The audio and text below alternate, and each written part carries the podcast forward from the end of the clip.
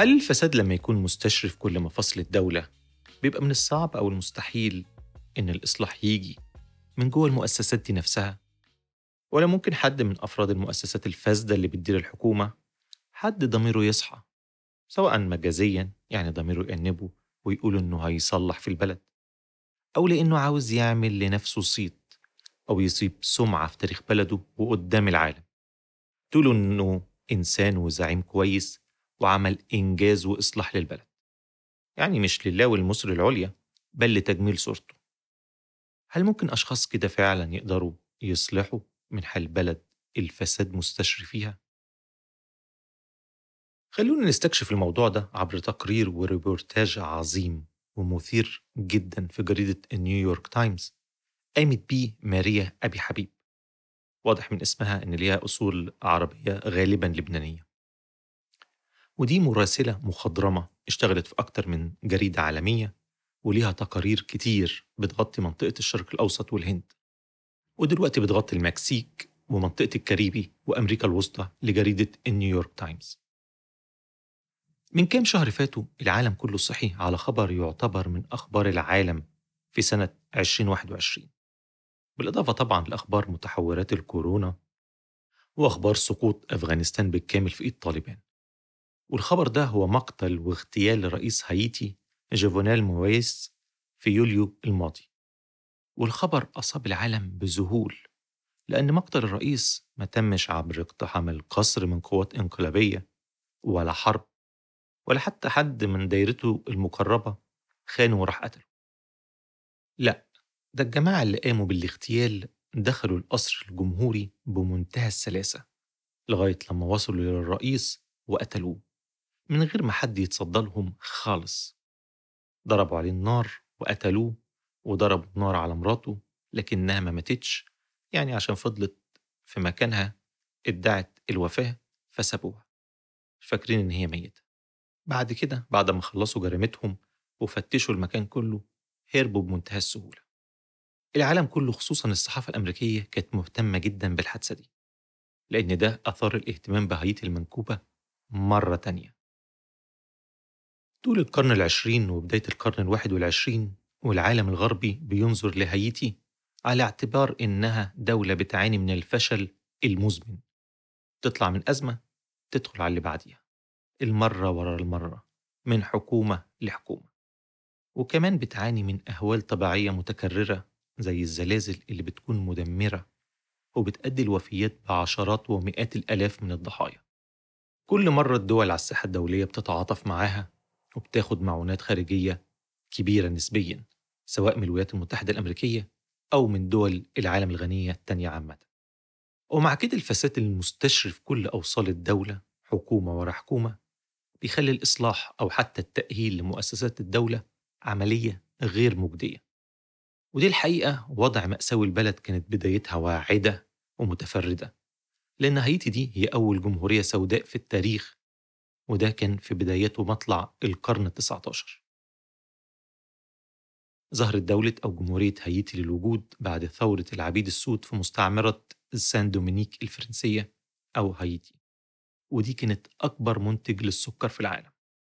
لما قامت الثورة الفرنسية في فرنسا العبيد في هايتي قرروا إن هم يقوموا بثورة مماثلة ضد أسيادهم البيض والعبيد السود في الوقت ده اللي هو نهايات القرن ال 18 بدايات القرن ال 19 كانوا حوالي 90% من السكان وبيتحكم في أقدارهم 10% من البيض.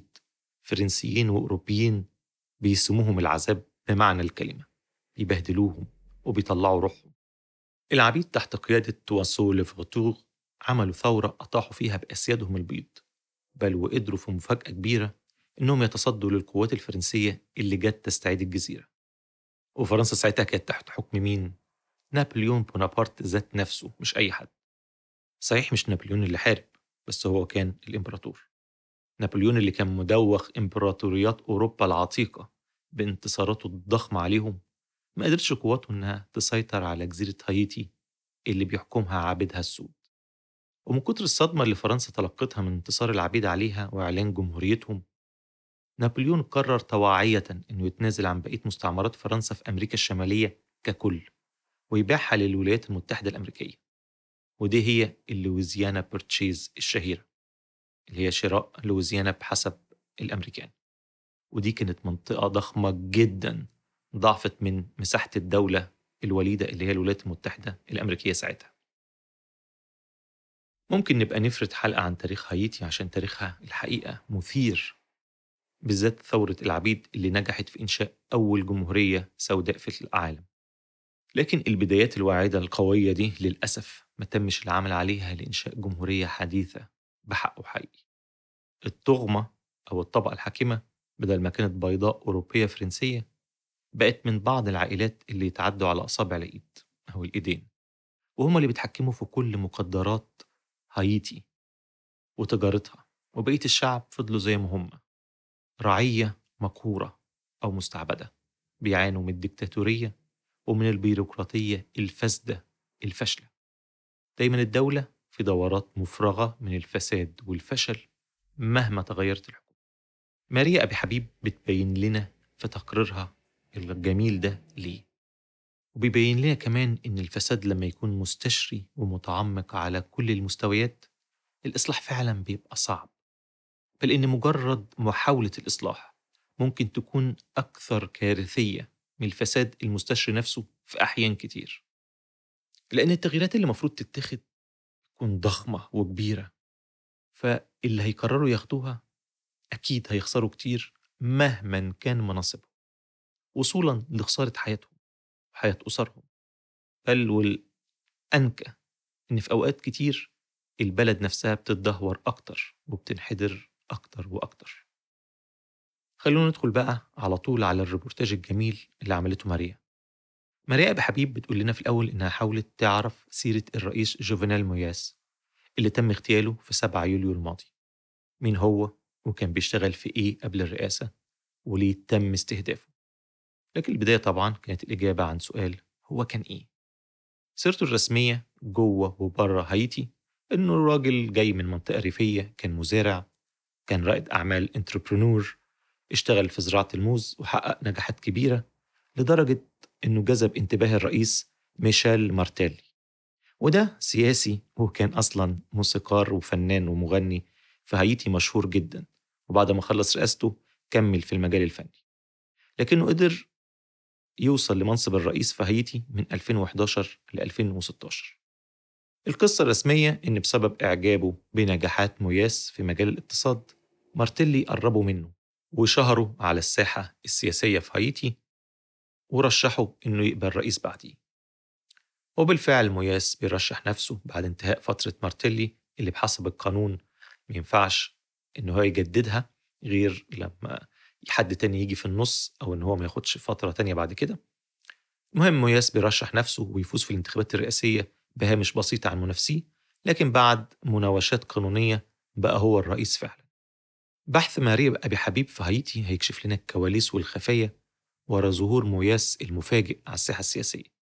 وزي الأمور تدهورت لحد ما أدت لاغتياله كل الكلام ده هنعرفه عبر حوارات ماريا مع المتنفذين في الحكومة وناس مقربة من الشخصيات النافذة في هايتي. عادة ما بيتكلموش مع الإعلام لكن وافقوا يتكلموا معاها بشرط عدم نشر أسمائهم. في مغامرة أو في سلسلة مغامرات ماريا أبي حبيب هتمشي ورا الخيوط اللي هتوصلها للحقيقة. إيه أصل وفصل؟ موياس ومين الناس اللي ممكن يكونوا ورا اغتياله البداية بالنسبة لها كانت معلومة عن سوق صيد تعابين البحر. ودي تجارة ومهنة مربحة جدا في هايتي. الخيط الأولاني هيوديها لميناء من أهم مواني هايتي اللي بيتم فيها صيد تعابين البحر. اللي هنعرفه برضو إنه ميناء مهم ومنطقة مهمة للتهريب. مرايا هتروح عبر رحلة مرهقة في طريق متكسر ومتبهدل لحد ما توصل للمدينة الساحلية دي. وهتسمع وهي في الطريق إن السبب إن الطريق مكسر ومتبهدل كده هو تجار التهريب والرؤوس الكبيرة. رغم إن هايتي واخدة مساعدات بأكتر من 10 مليار دولار لإعادة تأهيل البلد يعني بعد سلسلة من الزلازل إلا إن الطرق دي عمرها ما اتصلحت عشان تجار المخدرات والتهريب مش عاوزين أي طرق تربط ما بين العاصمة والمدن الكبيرة وبين المنطقة الساحلية دي اللي بيتم تهريب المخدرات والسلاح فيها. بتروح ماريا المنطقة دي وتتفاجئ إن الصيد بيبدأ دايما بالليل في الضلمة لأنه في الآخر ما هو إلا غطاء أساسا لتجارة التهريب. الدنيا بتكون مضلمة ويدوبك الصيادين بيلبسوا خوذ فيها مصادر إضاءة على رأسهم ويبدأوا يدخلوا البحر. وهناك بتقوم العصابات تحت غطاء من وجود الصيادين باستقبال سفن ومراكب التهريب وياخدوا البضاعة وينقلوها من مكان لمكان. ماريا اتكلمت مع الناس المحليين في المنطقة ومع الناس اللي ليهم شوية نفوذ وبدأت تعرف بعض المعلومات المثيرة جدا.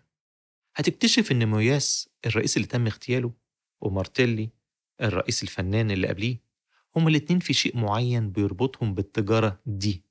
وبتهريب المخدرات اللي بتيجي من أمريكا الجنوبية توصل لهايتي. بيتم تهريب جزء منها جوه البلاد وبعد كده بيتم تهريب الجزء الأكبر لقارة أمريكا الشمالية. وإن الشبكات بقى الإجرامية دي اللي كان موياس ليه علاقة بيهم هم اللي قتلوه. أهم معلومة عرفتها ماريا إن اللي بيسيطر على المكان والتجارة واحد اسمه كيكو وده مجرد اسم الشهرة بتاع بقى مين يا ترى؟ شارلز سانت ريمي.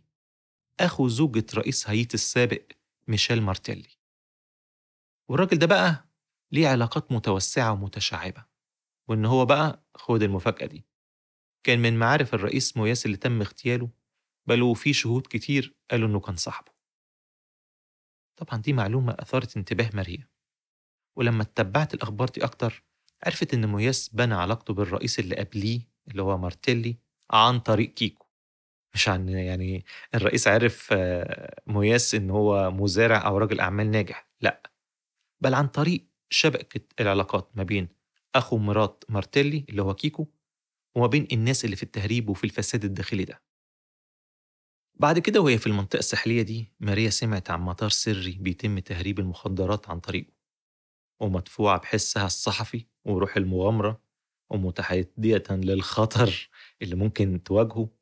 ماريا تقرر إنها تروح المكان ده وتمشي عبر طرق وعرة من مكان لمكان على الرجلين وعلى الدراجات النارية لغاية لما فعلا توصل لمنطقة مهجورة.